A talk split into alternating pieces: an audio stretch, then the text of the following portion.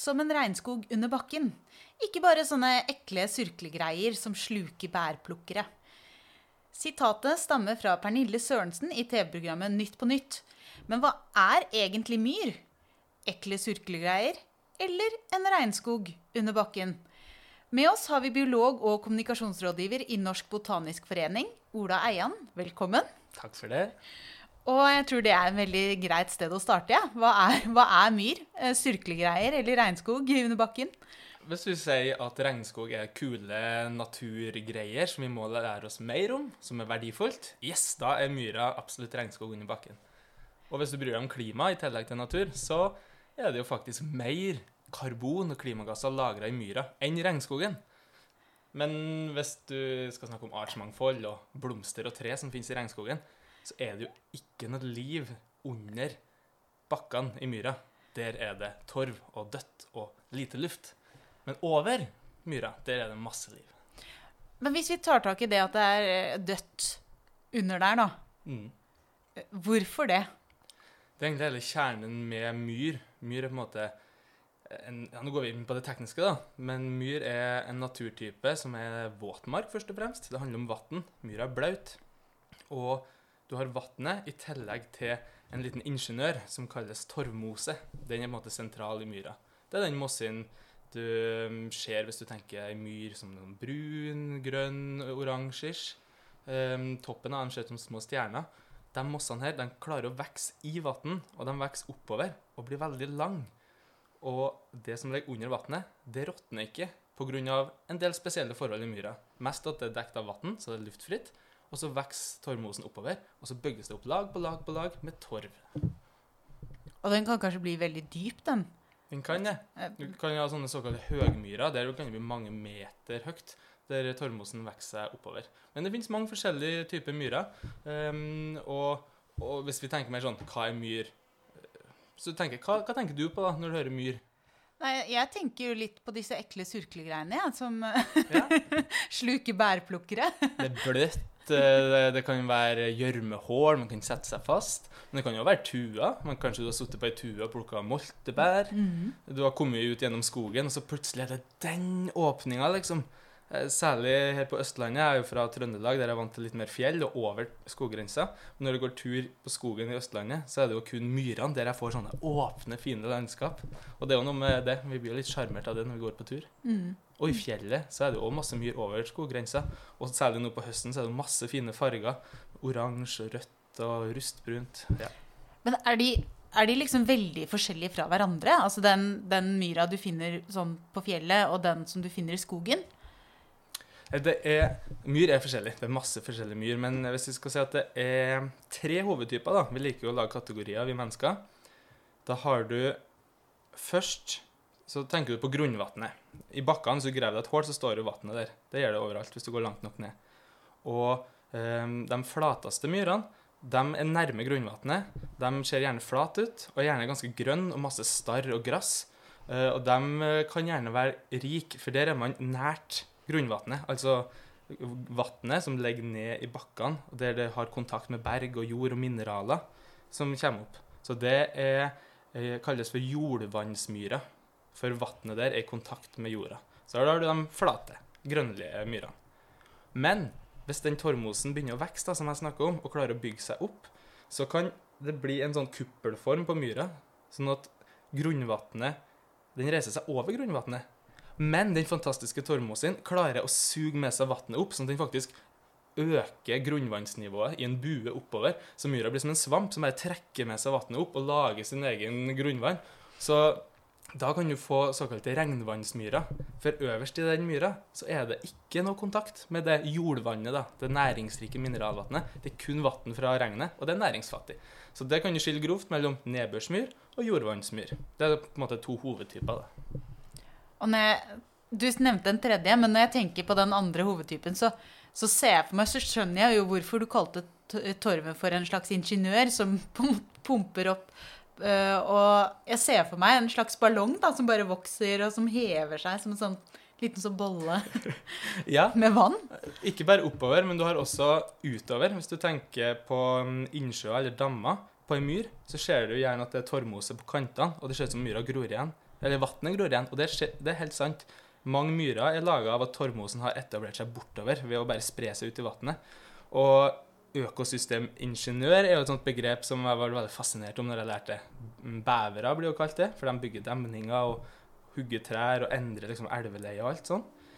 Og jeg vil si at torvmose er en økosystemingeniør, for den kan på en måte ta over flytende vann, gå fra innsjø til båtmark. Den kan vokse i høyden.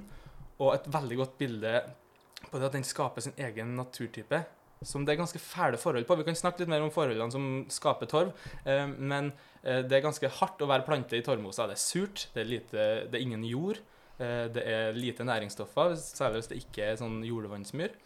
Eh, og trær sliter. Sånn at du kan grave opp Hvis du finner et skudd av et lite tre på en myr og graver det opp, så kan du se en kjempelang rot nedover. For da kan du tenke på at rota prøver å vokse ned for å finne jorda, mens torvmosen vokser opp. Så det er et sånt kappløp. Så generelt for myr er jo det er et åpent landskap, da, en åpen naturtype. Og det er fordi at skog, busker og tre klarer seg ikke så godt på myra. Men du sa at det var en tredje type. Ja. Hva er det for noe? Eh, Alle sånne kategorier vi mennesker lager av natur, det flyter jo som regel litt over i hverandre. Men det handler om slott og kulturlandskap. Eh, vi mennesker har jo høsta mat til dyrene våre ved å slå gresset, som vi sier. Kutte og tørke det til høy og gi det til dyrene våre. Og det har vi også gjort på myra. Så på samme måte som vi får artsrike slåtteenger, liksom blomsterenger med bier og hele pakka, så har man også slåtte myrer. Um, som blir endra av at vi mennesker har gått ut før med ljå, da, slått, høsta på samme måte som en åker. Det som skjer da, er hovedsakelig at man fjerner busker og tre i enda større grad, kutter bort dem. Og så fjerner man storvokste arter. da. De høyeste sivene og plantene blir kutta. Og det som skjer da, er at det blir mer lys. Og da får vi særlig mange orkidéarter og mer artsrike myrer kan vi få inn. det. Så kanskje litt mer sånn Ja, litt mer spesielle planter. Men hvor mange sånne myrer fins i dag? Det er jo dessverre svært ille tilstand for både slåtteenger og slåtte myrer. Og det handler jo om at vi slår jo ikke i utmarka lenger. Vi høster Vi, vi går ikke med ljå og slår gress langt inn i skogen, langt på fjellet, tørker det og kjører med hest og henter det. Så det har vi slutta med i stor grad. Så de som finnes i dag av slåttemyra, er i stor grad dugnadsinnsats, eller at øhm, det er museum som driver, eller at det er frivillig innsats fra organisasjoner, eller forvaltninga. da. Fylkesmann eh, mange plasser driver jo og gir midler til det. Botanisk forening driver en del i, Buskerud og slår myra. Og du har en kjendismyr i Nittedal, Slåttemyra. Og så har du i Trøndelag kanskje et kroneksempel, er som Naturhistorisk museum opp der, Vitenskapsmuseet har drevet i mange år. Så det finnes noen få, da, men det er veldig sjelden. Jeg syns det er litt spennende å tenke på at, eh, at museum også kan være et slags sånn myrearkiv. Eller at, de, at et museum kan være ansvarlig for å ta vare på naturtyper også. da. Det, Natur på museet. Ja. ja, det er litt, eh, litt rart å tenke på. Men det er veldig viktig at de gjør det, da. Mm. At de har en sånn slags sånn arkivfunksjon for alt mulig. Ikke bare bøker og, og gamle ting, men også gammel natur. Ja, og det kan jo tenkes at vi i framtida begynner å høste av myra igjen. Men eh, i Norge så er det jo et lavkostland, så det lønner seg jo ikke å gjøre så arbeidskrevende ting. Men kanskje vi får droner i framtida som slår myra? Hvem vet? Og eh, i, eh, i Europa så har man prøvd ut noen forsøk på å høste maskinelt av en del myrer. Jeg hørte på et foredrag av en som heter Josen. Han er en sånn myrguru i forskningsmiljøet. Og der klarer man faktisk å høste sånne store siv- og takrøråkre og, skal, og bruke materialet til å presse plater, så man får bygningsmateriale av det.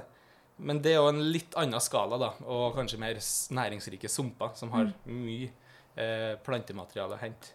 Myr er jo generelt ganske næringsfattig hvis vi tenker på produksjon. Det er en grunn til at vi ikke har åkrer på myrene. De er jevnt over ja, eller de klarer ikke å produsere så mye, da. Nå har vi riktignok dyrka opp en del.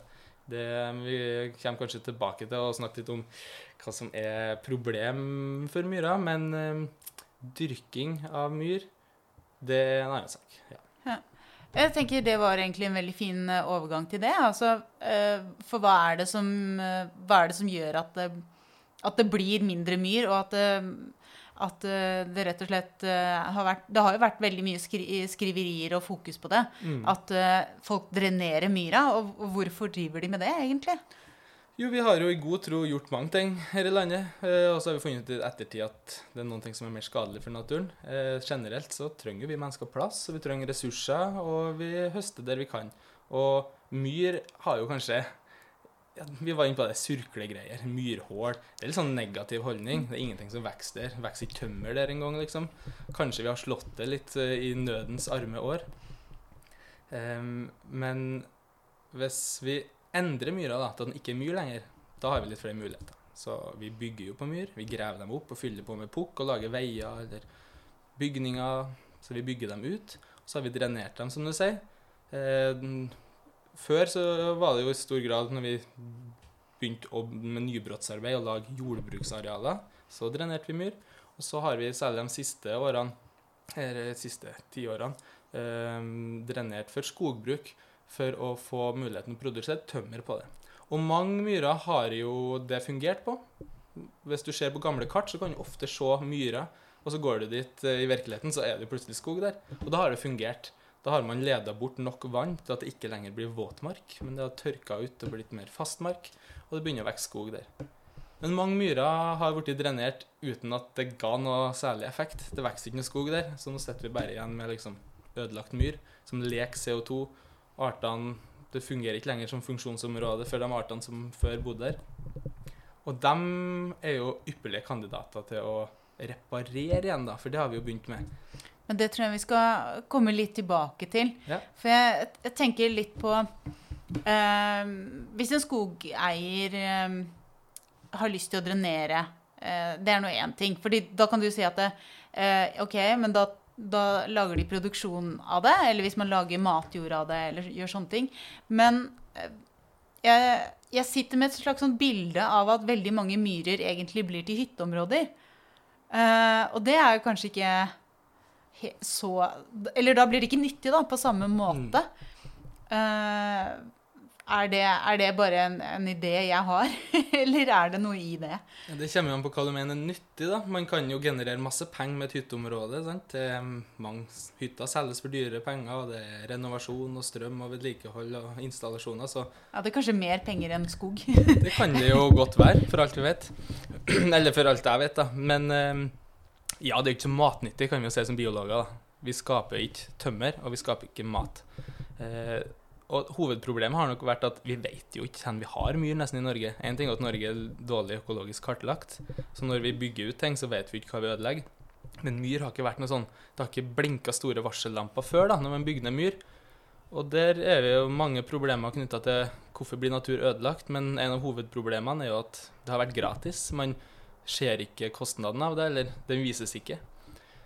Men hva er det myra gjør for oss, da? Som gjør at den er en så viktig naturtype å ta vare på? Å, det er så mange ting. Myra er fantastisk. Men eh, det som eh, er veldig populært for tida, er jo klima. Så vi har snakka om det at det er bløtt i myra, og at døde plantematerialer blir lagt under her i en masse som kalles torv. Og den er jo nesten rent karbon. Torv er jo på en måte eh, Vi snakker om olje og gass og kull.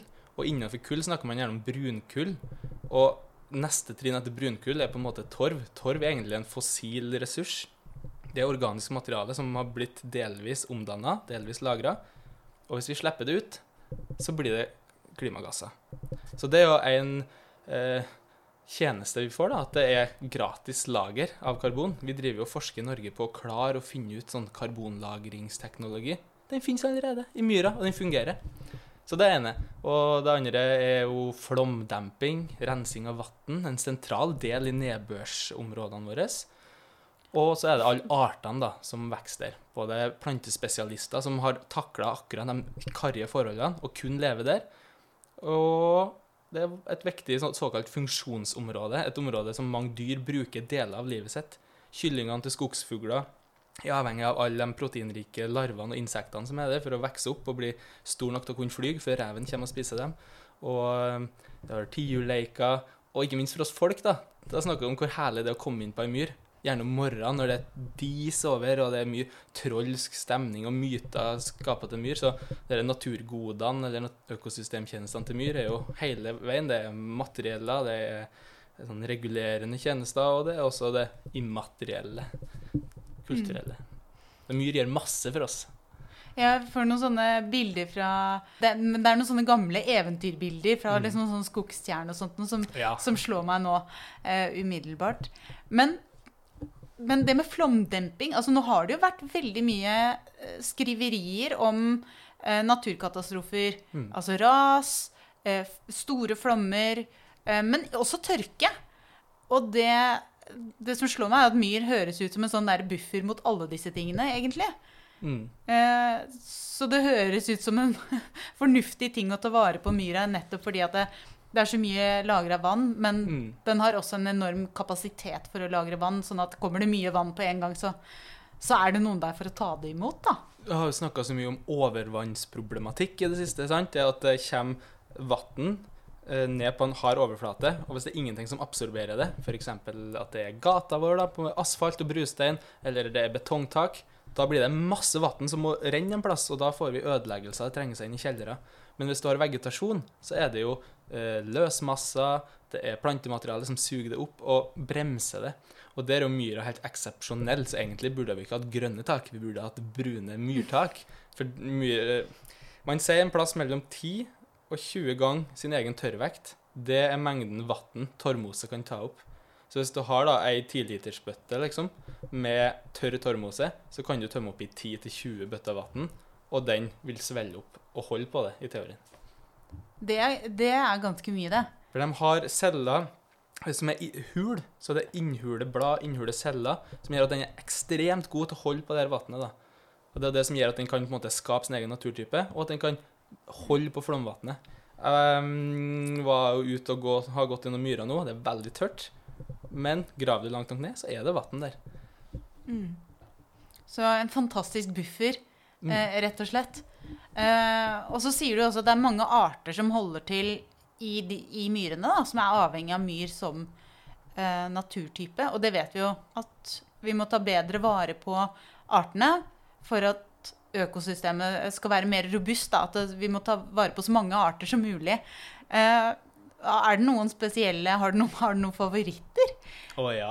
Det er En ting er at torvmosse er veldig fin, og det er mye mosser der. Vi har eh, ganske mange torvmosearter i Norge, bl.a. trøndelagstorvmose, endemisk Norge. Um, men favoritten min er nok de som er kjøttetende. Ja, det er gøy. Det er så næringsfattig på en del av de her eh, nedbørsmyrene at planter har tilpassa seg For de får ikke tak i nok nitrogen. Hva gjør de da? Jo, de finner en annen kilde til nitrogen. Proteiner er rik på nitrogen. Og proteiner det finner de mye av i kjøtt. Og den klarer nok ikke å ta elgen, plantene på myra, så da går de for insekter. Så vi har en del kjøttetende planter som faktisk klarer å fange insekter og løse dem opp og nyttiggjøre seg nitrogenet der, da. Men uten at de ser ut som sånne typiske kjøttetende planter. Hvis du ganger dem opp ganger ti, så ser det ut som Super Mario og hele pakka. En sånn jam-jam kjøttetende plante. Du har um, soldog, uh, rundsoldog og de artene der. De har sånn klissete arm. Se for deg, det stikker ut en arm, en rund skive, sånn grønn, og så stikker det ut små slimete pigger med røde tupper. Det er liksom, det er noen skrekkfilmgreie. Og så klæsj lander det flue der, og så sakte krøller har arma seg rundt og bare fanger den. Altså, Du maler jo et veldig tydelig bilde. Men de er jo kanskje små, eller er det sånn at de sluker bærplukkere, sånn som Pernille. Sørensen er redd for? Du får dem nok plass til dem på fingeren eller i armen hvis du er så heldig å finne en stor en. Så har du tettegras, som ser ut som ei grønn lita stjerne, en liten rosett ned på myra. Der er bladene ser ut som grønne, spisse tunger som går ut i en stjerneform, og de er klissete. Så der setter også insekter seg fast og kan bli brutt ned. da. Den får en liten sånn eh, elegant eh, lilla blomst på toppen, som ikke er ferdig. da. Det, den høres veldig fin ut. Det er jo sånn rykter, jeg vet ikke hvor faktabasert det er, men det heter tettegras, og tettemjølk er en sånn surmelk som det visstnok kanskje er en, eh, at man har brukt enzymer fra tettegraset til å syrne melkekulturen. da. Så mm, tettegras og rundsoldog, eller soldogfamilien, de eh, er kjøttetende planter på myra. De vokser kun der. De må ha det fuktig, og de har klart seg der det er næringsfattig. Så utrolig gøy. Det, det er fascinerende. Og masse myrull, selvfølgelig. Alle har kanskje et bilde av sånn vaiende dotter, hvite ulldotter på myra. De er kjempefine. Finnes overalt. Og så har du de orkideene, da, som særlig er på de jordvannsmyrene, der det kan bli rikt på næringsstoffer og mineraler. Eh, der har du noen som eh, sliter skikkelig, for at eh, det er færre av de her rikmyrene. De eh, er det ofte i lavlandet, og, og de er de som kanskje har lettest blitt omgjort til andre ting, for de er så rike på næring. Men de orkideene som finnes der, der har du sjeldenheter som eh, eh, myggblom og knottblom. Og så har du sånne, den orkideene kanskje mer vanlige, marihånd, den rosa. Det har du kanskje sett hvis du har gått på ei myr i fjellet. Men eh, pandaen i myra, det er myrflangre. Det er en flott orkidé som eh, har mista har forsvunnet fra 50% av de leveområdene vi kjenner til. Og så har du honningblom. Den finnes kun nå én plass i Hvaler, på ei øy. Um, så det er en del av de her artene som er sjelden, da. Uh, og derfor må vi ta vare på myra, liksom, for, særlig rikmyrene, for de lever kun der. Så det er noen av artene. Og så har vi snakka litt om dyrene som er der. Ja. Det høres ut som, som, Man vet jo hvor noen av disse er men, er men, du sa på et eller annet tidspunkt at det ikke er så godt kartlagt sånne naturtyper i Norge at vi ikke vet hva vi har helt heller.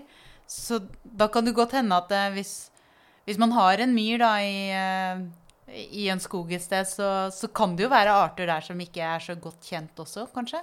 Kan være det, og for all del, det er jo masse natur nå som begynner å bli kartlagt, og særlig på Østlandet. og Man har jo prioritert å kartlegge natur rundt uh, tettsteder der det er stort utbyggingspress. Så mange plasser er det mye bra. Man kan uh, gå inn på naturbase liksom, til Miljødirektoratet, åpne kart, og, og lete etter rikmyra da, eller slåttemyra i sitt nærområde. Så, um, det fins en del, men det er masse som er ukjent, og det bygges ned masse. Og der er du jo inne på det at det, det bygges ned, fordi at det, du sa også at det kan repareres. Og det høres jo ut øh, som det er litt øh, vanskelig, kanskje, å reparere noe som Hvis du først har tømt det for vann, da. La oss si at det er et par meter opp, øh, og så er det helt tømt for vann, og det har tørka ut. Mm. Hvordan setter man egentlig i gang en sånn restaureringsprosess? Ja, å restaurere natur er jo på en måte et sånn filosofisk fagfelt i biologien i seg sjøl. Hva betyr det å restaurere? Eh, det er noe vi mennesker da har definert som ødelagt. Og så har vi definert at det finnes kanskje en bedre tilstand vi ønsker å hjelpe dem imot. Um, så det er kanskje Restaurering er i hvert fall forsøket da, på å hjelpe naturen til å komme tilbake til sin naturlige utvikling. For det som skjer hvis man lager grøft i ei myr, er at man stikker hull på ballongen. Da leder man vannet bort, og det er vannet som skaper myra. Så hvis man ikke gjør noen ting, så kommer den myra kanskje til å gro igjen, bli mer krymp i areal og kanskje forsvinne helt. Hvis man restaurerer på en måte hydrologien, vannforholdene, så kan man i hvert fall få opp vannstanden igjen, sånn at torva ikke begynner å nedbrytes. Og da har man i hvert fall stoppa klimagassutslippene. Og så har man da torvmosen, som forhåpentligvis har overlevd, som kan klare å begynne å fylle igjen grøftene og begynne den nye prosessen med å bygge myr, bygge torv. Og det gjøres det masse av i verden. Norge har hengt litt etter Vi har begynt mye de siste årene nå. Så nå har vi store prosjekter i Norge over hele landet der det er gravemaskiner i statens uh, arbeid ute på myra og tette grøfter og bygge demninger for å få tilbake eh, vannet i myra. Da. Man kan si at man drenerer myr for å få den tørr, men man blautlegger dem nå da, for at de skal kunne fungere igjen. Nettopp. Hvor lang tid tar det å få den liksom litt tilbake til der den var? Å få tilbake vannet til et høyere nivå, det går ganske fort, i hvert fall hvis det ikke er tørke. Så da kan det skje nesten samme sesong hvis demningene holder. Øh, men øh, det tar lang tid før artene er tilbake. Og når man det med å bygge torv, det kan jo i teorien begynne med en gang når man eh, har vann der og torvmosen vokser. Men når man har fått inn luft i torva, så skjer det den kjemiske prosesser. Sånn det, og man har fått inn en del luft, så det blir en del nedbryting. Så i starten vil det være en del forråtnelse og metanutslipp også etter man får opp vannet.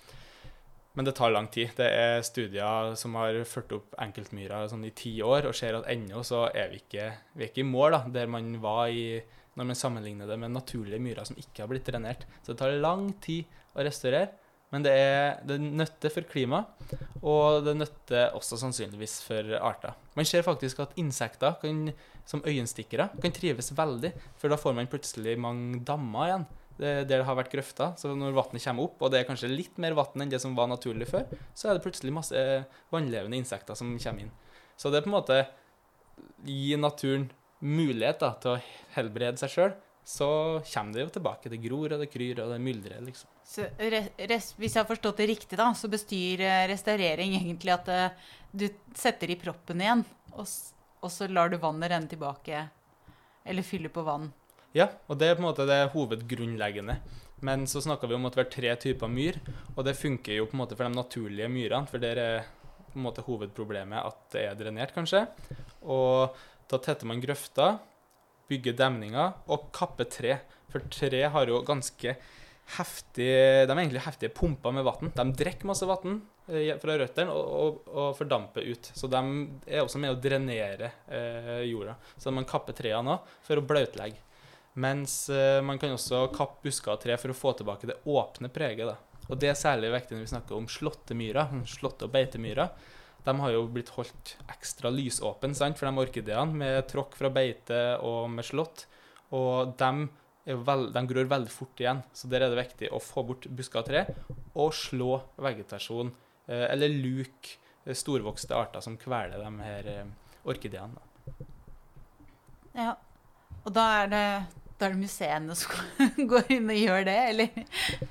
Ja, vi har jo heldigvis en befolkning som er opptatt av natur i Norge. Og da har vi heldigvis politikere og forvaltning som er opptatt av natur. Så det brukes penger på, mm, på det. Jeg kjenner jo til særlig arbeidet vårt i Botanisk forening. Der eh, har man i Buskerud ført opp enkeltlokaliteter og får midler fra Fylkesmannen til å, til å restaurere. Så der går det folk rundt og ringbarker enkelte treslag for å unngå stammeskudd, og så kutter man dem senere.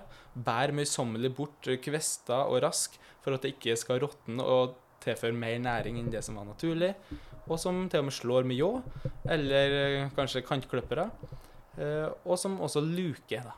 For det er jo en del av de her orkideene som er sånn Ja, de trives av, eh, av å få mye lys når det slås, men de trives kanskje ikke når de blir slått sjøl. Så det beste er at man faktisk luker rundt, og det gjør man rundt denne pandaen vår, da, myrflangere. Der er det folk som står på veldig hardt og luker myra rundt orkideer, fordi at det er bare 22 plasser igjen i Norge den vokser. Det høres ikke så veldig mye ut. Eh, så det er jo bra at det er en innsats da, for, å, for å ta vare på, på disse artene. Men du har jo tatt eh, masteren din i restaurering av, av myr. Føler du at eh, Er vi liksom på rett vei?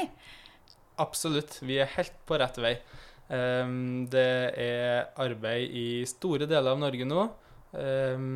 Og selv om vi henger etter Finland, som har gitt ut ei bok sånn 25 års erfaring med myrrestaurering, så vi kanskje starta sånn 2015 var kanskje den første testmyra da, av det her store restaureringsprosjektet. Så er vi i gang, da. Og det er viktig.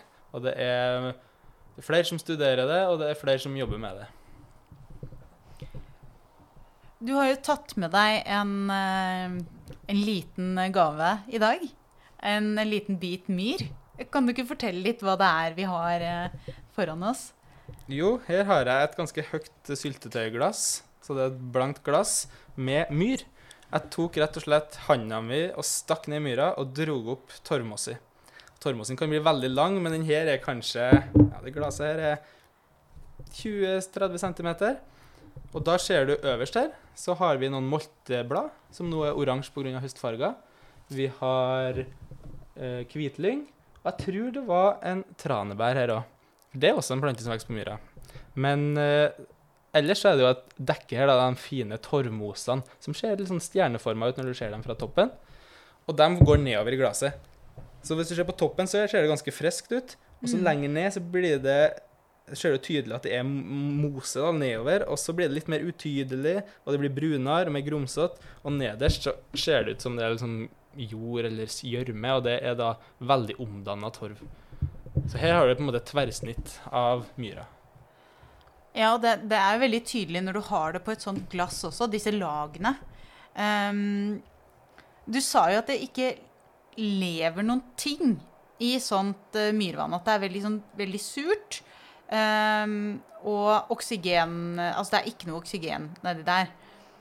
Og det gjør det jo som eh, Det gjør jo at dette er et ypperlig konserveringsmiddel. Mm. Eh, Eh, Så man har jo funnet noen, ikke, kanskje ikke bærplukkere, men, eh, men man har jo funnet mennesker da, i sånne myrer. Eh, er det noe du, du har kanskje ikke gjort akkurat det, da, men Nei, heldigvis ikke. er, det, er det en del av fascinasjonen også, holdt jeg på å si? Den litt sånn konserverende egenskapen? Ja, det er i tillegg til det du nevnte, så er det også faktisk sånne egne kjemiske stoffer, nå husker ikke på navnet, i, i torvmose som gjør at den er antiseptisk og antibakteriell. Så hvis du er på tur og må vaske fingrene dine, så har jeg faktisk hatt gnudd torvmosse på hendene mine. Og det er et veldig godt tips både for antibakteriell vekst, men også for å holde eh, fisken du fisker på fjellet, kald, er å få en litt fuktig torvmose og legge den i. Og det er det gjort forsøk på på NTNU, jeg har sett på forskning.no, der du har en bilde av en fisk som har ligget i en pose i x antall dager. Men eh, det er også folk ja, som er funnet der. Ikke så vanlig, i hvert fall ikke i dag, å kaste folk i myra. Men det har skjedd. Eh, folk i Det er sånn eh, Ja, Øtzi snakker vi om med sånn isbremann. For det er veldig kaldt der, og man har bevart liksom folk i isen. På samme måte i myra, hvis noen kommer ned i vannet, og det dekkes til, lufta er bort, da kan du lagres veldig godt. og man har funnet sånne, Du ser veldig fine bilder hvis du søker på myrlik eller moselik. Da finner du fra Danmark og Nederland. Eh, veldig godt bevart hud, hår, lær i huva til folk som har blitt kasta i myra. Og det er veldig mye sånn mytisisme rundt det. Eh, noe av det er sånn år null, og noen er en 100 opp til 1000 år før Kristus, liksom. Og man har snakka om er det vært ofring, for noen av dem er tydeligvis hatt en hard medfart, da, for de døde. Man har lykke, løkke rundt halsen eller knekte bein og sånn. Og så hvis du tenker deg Hvis du kaster noen i myra Du gjør kanskje ikke det med kjæledyret ditt eller familiemedlemmer. Det er kanskje litt mer sånn lugubre aktiviteter hvis man er i et skogholt og graver ned noen i myr. Så mm, det har nok vært noe harde tak for dem som døde i myra, ja. Det er uansett veldig, veldig sånn eh, Også det er jo en sånn sånn fascinerende egenskap å, å tenke på. Eh, men hva Dette er jo litt sånn eh, Litt sånn fun fact-aktig, og jeg har jo bedt deg om å ta med en, eh, en fun fact. Uh, har du Har du, har Myra du er jo så artig, så vi har jo mange. Nei, jeg har um, funnet ut at um, det fins faktisk badebasseng som filtreres med torvmose. Man bruker jo torvmose til mange ting som ikke er så fun, kanskje. Vi bruker det jo i jord i dag, i plantejord. Men det er kanskje ikke en bra ting, egentlig? Er ikke det noe som man skal stoppe med? Nei, Før så brukte vi jo torvmose til det var et vidundermiddel. Strø i, under husdyrene våre for å absorbere um, husdyrmøkk og sånne ting. brukte Vi det til. Vi brukte det til brensel. Uh, vi kutta det opp og tørka det. liksom. Vi har brukt det til masse. Og i dag så Det vi bruker myr til i dag, sånn for å bruke massen, det er til såkalt plantejord eller jordforbedring. Hvis du kjøper en sekk med såkalt jord, Så sier jeg det i gåsetegn, så står det ofte at det er sånn 99% hvittmossa eller spagnum. Og da er det myr. Da er det torvmose. Eh, og det har en god effekt med at det holder på vannet, som vi har snakka om, men det er veldig lite næring, og det er veldig lite bra for klimaet. Så det finnes store Hvis du søker på høsting av torv, så får du stygge bilder. Da har du sånn åpne gruver, svære, harvende maskiner som bare freser seg nedover i myrlagene. Fins det ingen måte å på en måte Altså Når det er et sånt vidundermiddel, da Du kan rense bassengvann, og, og det er antiseptisk, og, og, og du kan lagre fisk i det hvis du er på tur, og i det hele tatt altså, Når det er så mange bra egenskaper, fins det ikke noen måte å, å høste det på som, som er litt mer bærekraftig, og som gjør at den ikke går utover myras tilstand? Kanskje hvis man begynte å dyrke det da på grønne tak og høsta dem der, kanskje. Men det som er vanskelig, er at eh, man må fjerne vannet for å komme ut dit med maskiner. Og da drenerer man myra, og så er det torva under myra, så man må fjerne det levende, og da er det ganske destruktivt. Så det er litt vanskelig. Men eh, for å bare ta noe annet som er litt artigere, kanskje, er jo at eh, whisky kan bruke torvmose og myr. Jeg er jo ikke en whiskyprodusent sjøl, men eh, du har jo noe korn som skal mm, maltes og prosesseres og røykes. Røyksmaken i whisky kommer av at de kornsortene du bruker, røykes i en ovn. Og mange skotske whiskyer er visstnok tørka, bruker tørka torvmose som ulme- og røykmateriale. Så du kan få myr i whisky. Så det blir en sånn, liksom egen eh, undertone av myr i eh, Hvis du vet det er en spesielt god whisky, så, så er det litt myr. Vil du ha masse røyksmak, så er det masse myr. Og hvis du vil ha litt, så tar du bare og røyker det litt i myr. Nettopp. Men er det Det er jo, blir jo en skotsk myr, da, men eh, Og så har vi jo snakka mye om norsk myr, men er det, det, er det liksom forskjell på myr i Norge og andre land? Ja, eh, myra i Norge er på en måte ganske lik den vi har i Nord-Europa, i Nord-Asia og eh, Russland nordover. Hvis vi tenker på det man kaller det jo sånn taigaen, denne granskogen vår med ganske lik natur som vi har i Norge. da. Der er det på en måte masse arter som vil ligne på myrene våre. Og man finner dem også igjen på motsatt side av jorda, altså ikke på den nordlige, men på den sørlige, langt nok mot Polen, der det er kaldt. På New Zealand og i Chile, der det er ganske kaldt, der finner man jo masse arter. Men det fins også nærmere tropene. Um, og der er nok myrene fungerer litt annerledes, så vi kjenner dem kanskje ikke igjen. Men det fins myr overalt. Jo, å, det må jeg jo si at torvmose, som jo kjennetegner myr Det finnes andre moser òg, men torvmose er på en måte, det er myrarten. Den dekker 3% av landarealet i verden. Og det er ganske heftig til å være en liten krabat. Og det sier òg noe om karbonmengden her. Det er store mengder karbon som er lagra i myr på verdensbasis. Tror du det er en slags sånn eh, rekord eh, av noe slag? Eh, kanskje for mosa, i hvert fall. Nå har jeg ikke oversikten over alle naturtyper og arealet de dekker. Men eh, det er jo en del skog, og det er veldig mye åpent landskap som vi mennesker har brukt til slette, beite, sånne ting. Men eh, det er ganske bra gjort for én art, da, å dekke, eller artsgruppe, å dekke 3 mm. av landjorda. Ja, det, det, slo meg som sånn det, det, høres mye ut, selv om ok, 3 er kanskje ikke mye, eller det er kanskje ikke et stort tall, men hvis du tenker at det er én artsgruppe, mm. så høres det kanskje litt mye ut allikevel, da. Så den er jo ganske betydelig. Du kan jo tenke deg i skogen så er det ofte mye torvmose. Også ikke bare den åpne myra, men den trekker seg jo inn i myrkanten, der det kan være skog og busker. Den er overalt nesten i Norge. Det er store områder som har myr. Om det så er bare en liten flekk mellom blåbærtuene der du går, liksom. Jeg tror det blir mer enn én fun fact, men det, er lov. Det er lov å komme med så mange fun fact man vil. Um, jeg tror vi skal begynne å runde av. Men uh, før vi gjør det, så har jeg jo lyst til å si at du, du er jo med å arrangere et uh, seminar. Har du lyst til å fortelle litt mer om det? Ja, vi skal ha et seminar om myrrestaurering 28.9. Og for dem som hører på i ettertid, så må dere bare søke opp Norsk botanisk forening og Myrseminaret, så skal vi legge det ut i ettertid. Der uh, inviterer vi forskere og forvaltninga og frivillige som jobber med å restaurere myr. Og vi kommer til å dekke både slåttemyra, eh, en del eksempler fra Østlandet, fordi vi arrangerer det fysisk på Østlandet i år.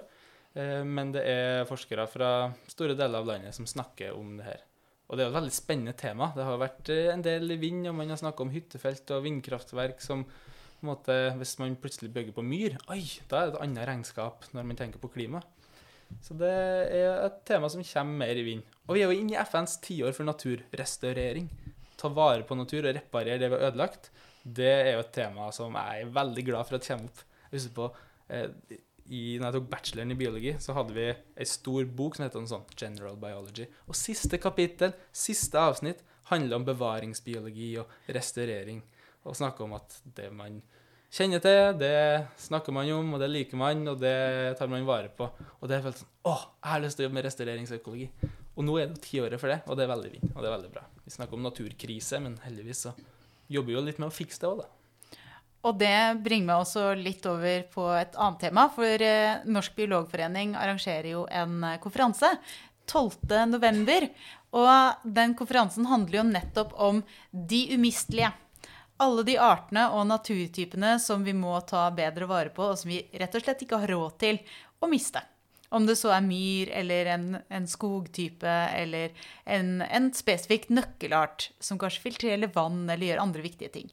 Så, og det blir jo et uh, fysisk møte, så jeg vil jo anbefale alle som, uh, som hører på, til å én høre på uh, få med seg myrrestaureringsseminaret, men også melde seg på Norsk biologforening sin sin biokonferanse 12.11. Og rett og slett eh, også benytte anledningen til å lære noe nytt og møte andre fysisk. Så mm, det er egentlig min eh, siste oppfordring. Og så er det jo bare å like, like å dele, selvfølgelig.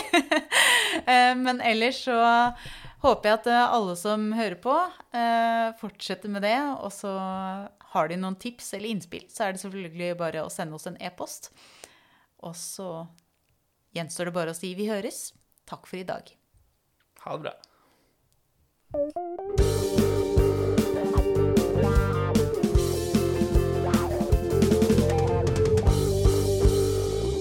Nå hørt Biopodden intervju med Elina Melteig, og med på laget har jeg også Torborg Galtland, daglig leder i Norsk biologforening.